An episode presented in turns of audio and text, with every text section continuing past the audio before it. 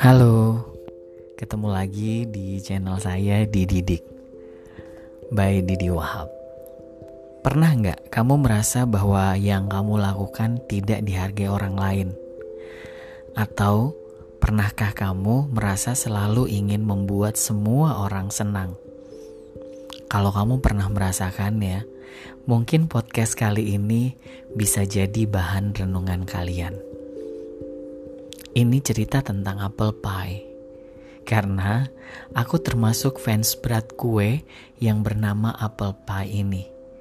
Tapi kali ini aku tidak berniat memberitahukan resep atau cara masaknya kok.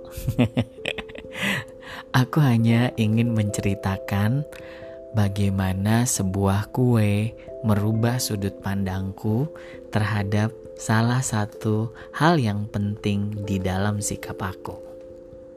Kita mulai ya. Ketika aku mahasiswa, aku deket banget dengan keluarga dosenku yang bernama Lyle's Family.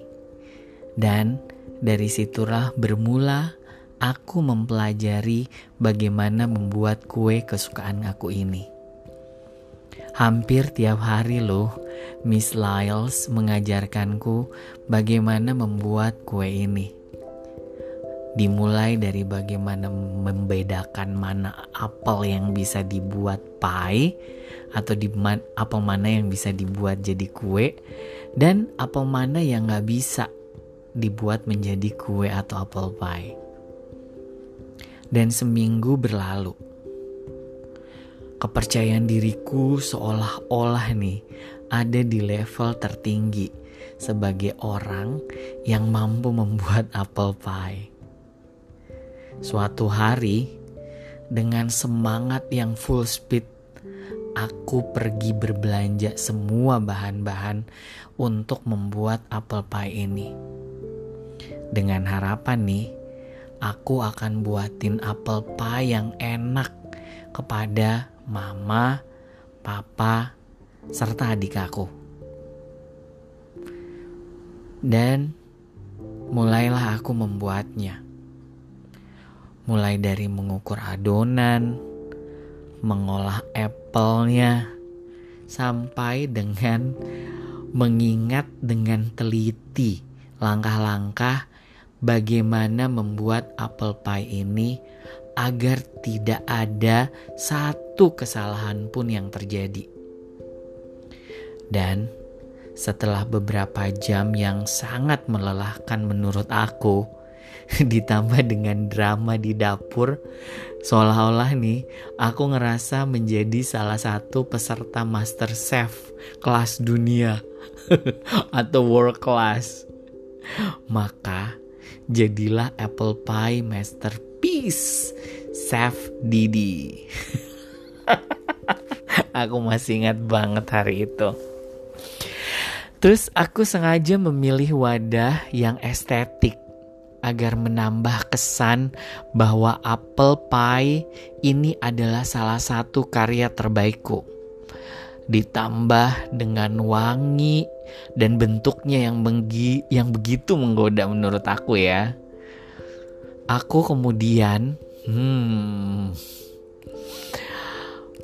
ingin memberikan kejutan kepada keluargaku. Pertama nih, aku memberikan potongan apel pie-ku ke mama. Dengan senyuman, aku menawarkannya. Dan tahu nggak, apel pie kebanggaanku ini ditolak dong. Karena mama lagi sakit gigi ternyata. Walaupun aku menawarkannya dengan mengatakan, sesuap aja sih mah, pasti mama suka.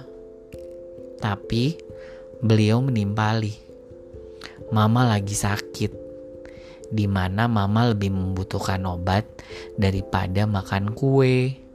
Bagaimanapun enaknya kuemu. Dan terbersitlah kecewa dalam hati aku. Jadi, kemudian kutepikan kue karyaku ini sembari menunggu adikku pulang sekolah. Dan siang itu ku dengar pagar dibuka dengan gaya khas adik aku. Tahu kan kalau anak kecil membuka pintu ribut. Aku pun buru-buru mengambil apel pieku untuk kuberikan kepadanya. Berharap bisa dapat pujian dari adik semata wayangku ini. Dan pas di hadapannya, dia terlihat terburu-buru. Walaupun aku coba menawarkan kueku dan kembali ditolak dong.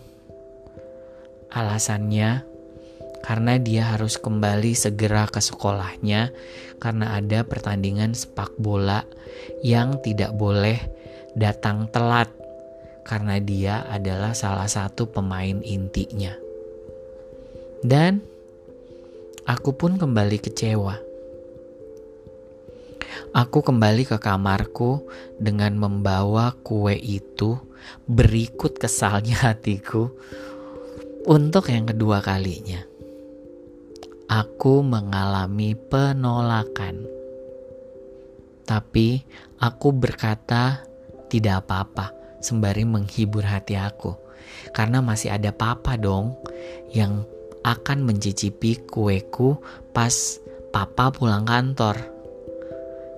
Dan sore pun menjelang. Ku dengar salam dari pintu. Lalu ku jawab salam itu. Segera ku bawa piring berisikan potongan kue itu untuk kuberikan ke papa aku. Tapi aku lihat papa langsung kerak dokumen kerjanya dengan raut wajah yang sangat serius. Lalu, ku coba menawarkan kue di tangan aku. Dan papa hanya menoleh singkat dan berkata, "Taruh aja di situ." Karena papa lagi sibuk untuk mempersiapkan presentasi di kantor untuk meeting besok. Dan aku pun merasa ini penolakan. Betapa aku kecewa dan tidak tahu kenapa tiba-tiba aku menangis membawa kue itu kembali ke kamar aku. Besoknya, aku ke rumah Mr. Lyles dan menceritakan hal tersebut. Dan di situlah aku mendapat insight bahwa betapapun terbaiknya sesuatu menurut kita, belum tentu serta-merta akan diterima oleh orang lain. Mungkin bukan karena ditolak, ya, tapi mungkin mereka lebih butuh yang lain daripada kita, seperti Mama yang lebih membutuhkan obat daripada kue atau mungkin karena terpaksa menolak kebaikan kita, bukan karena tidak menghargai, tapi kesempatannya belum ada seperti adik aku yang lagi diharuskan bertanding sepak bola, atau mungkin kita belum jadi prioritas mereka saat itu. Karena ada hal yang lebih mendesak seperti papa yang dikerja yang dikejar deadline pekerjaannya daripada mencicipi karya yang aku rasa itu versi terbaik aku. Tapi sekali lagi itu bukan penolakan. Mulai dari hari itu, aku belajar bahwa aku hanya bisa melakukan yang terbaik, tapi tidak boleh memaksakan orang lain agar menyukai ataupun mengapresiasi kebaikan yang kulakukan. Dari kejadian itu, aku juga belajar bahwa penolakan bukan sesuatu yang harus membuat kita sedih, karena itu tidak berarti kita tidak dihargai, tapi mungkin ada yang lebih mereka perlukan daripada hal yang kita lakukan ini. Gimana menurut kamu? Kasih tanggapan ya.